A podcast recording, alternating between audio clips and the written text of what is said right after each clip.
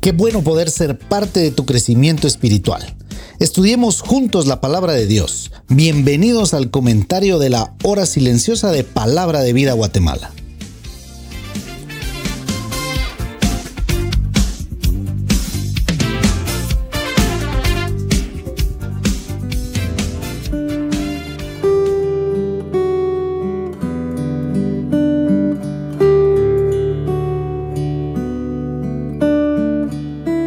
Mi nombre es Ronnie Ajig y te doy la bienvenida al comentario de la hora silenciosa de Palabra de Vida Guatemala. Hoy estaremos ubicados en el Evangelio de Lucas, capítulo 21, de los versículos del 5 al 19. La palabra del Señor dice así. Y a unos que hablaban de que el templo estaba adornado de hermosas piedras de ofrendas votivas, dijo, en cuanto a estas cosas que veis, días vendrán en que no quedará piedra sobre piedra que no sea destruida. Y le preguntaron diciendo, Maestro, ¿cuándo será esto? ¿Y qué señal habrá cuando estas cosas estén para suceder?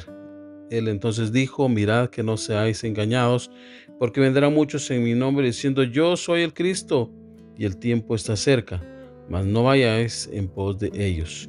Y cuando oigáis de guerras y de sediciones, no os alarméis, porque es necesario que estas cosas acontezcan primero, pero el fin no será inmediatamente. Entonces les dijo, se levantará nación contra nación y reino contra reino, y habrá grandes terremotos y en diferentes lugares hambres y pestilencias, y habrá terror y grandes señales del cielo. Pero antes de todas estas cosas os echarán mano y os perseguirán, y os entregarán a las sinagogas y a las cárceles, y seréis llevados ante reyes y ante gobernantes por causa de mi nombre y esto será ocasión para dar testimonio. Eh, proponed en vuestros corazones no pensar antes cómo habéis de responder en vuestra defensa, porque yo os daré palabra y sabiduría, la cual no podrán resistir ni contradecir todos los que se opongan. Mas seréis entregados aún por vuestros padres, hermanos y parientes y amigos, y matarán a algunos de vosotros, y seréis aborrecidos de todos por causa de mi nombre, pero ni un cabello de vuestra cabeza perecerá. Con vuestra paciencia ganaréis vuestras almas.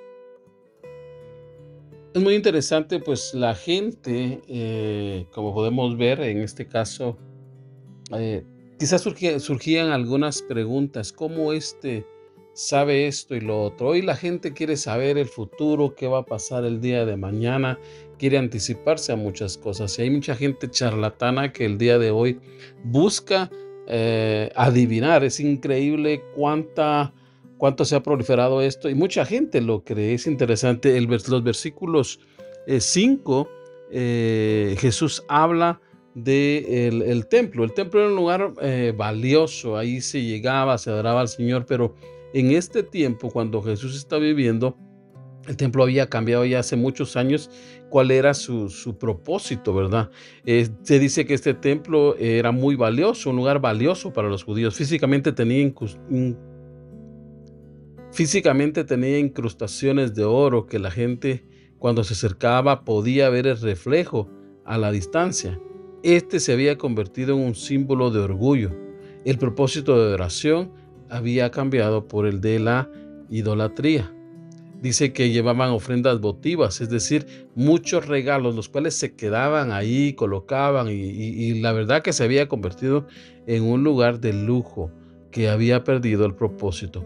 Cuando Jesús dice que no quedará piedra sobre piedra, se está refiriendo a lo que pasará más adelante, allá en el año 70, cuando es invadido eh, eh, la ciudad de Jerusalén, cuando es tomada la ciudad y destruido el templo. Y los invasores dice que arrancaron esas incrustaciones de oro y otras piedras preciosas y por último quemaron todo y dejaron solo cenizas. Este templo fue construido en unos 80 años más o menos.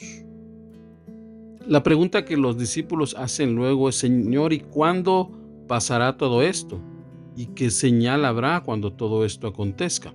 Jesús dice, Mirad que no seáis engañados, porque vendrán muchos en mi nombre diciendo yo soy el Cristo, y el tiempo está cerca, mas no vayáis en pos de ellos. Y aquí Jesús está refiriendo no solamente a esa parte cuando Jesús vendrá en el futuro, no, hay, una, hay dos partes acá. Una cuando eh, iba a ser la invasión eh, hacia Jerusalén, iba a ser destruido y aquí hay acontecimientos que se repiten que se están refiriendo a esa toma cuando fue esa invasión y por supuesto hay otros que nos enseñan también que nos están mostrando cuándo vendrá el Señor. En ese tiempo se dice que se levantará nación contra nación y ese tiempo fue así también en Israel. Habían naciones que se levantaban contra unas y otras.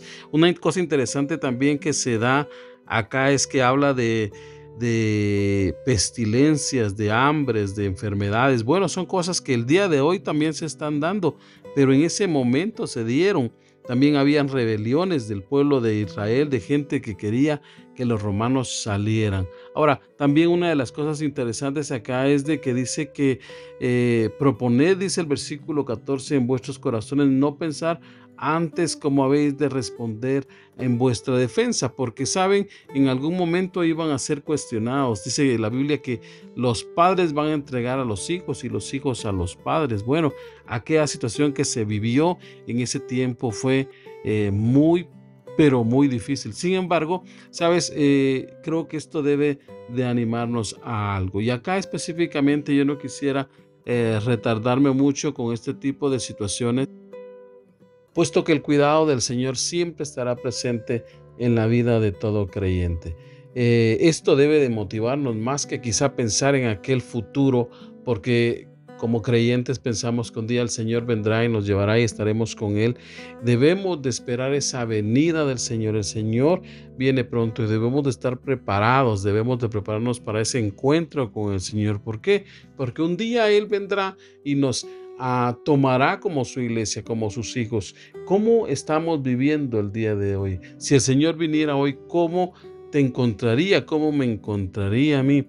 Así que creo que este es un tiempo importante. Sabes, el Señor jamás te ha dejado, jamás te dejará, jamás ha fallado. Y esta es una buena oportunidad para que pienses en esta bendición de servir al Señor. Yo quiero animarte a que puedas pensar más que un futuro, eh, porque cuando pensamos en todo esto a veces nos da cierto temor en pensar en lo que va, en lo que viene, ¿no es cierto? Sin embargo, creo que una de las cosas importantes es saber que el Señor nunca nos dejará. ¿Cómo está tu relación con el Señor? Prepárate, el Señor viene pronto. Te deseo el mejor de los días, la mejor semana y busca del Señor. Recuerda, el Señor no retarda su venida. Que Dios te bendiga, que tengas una linda y excelente semana.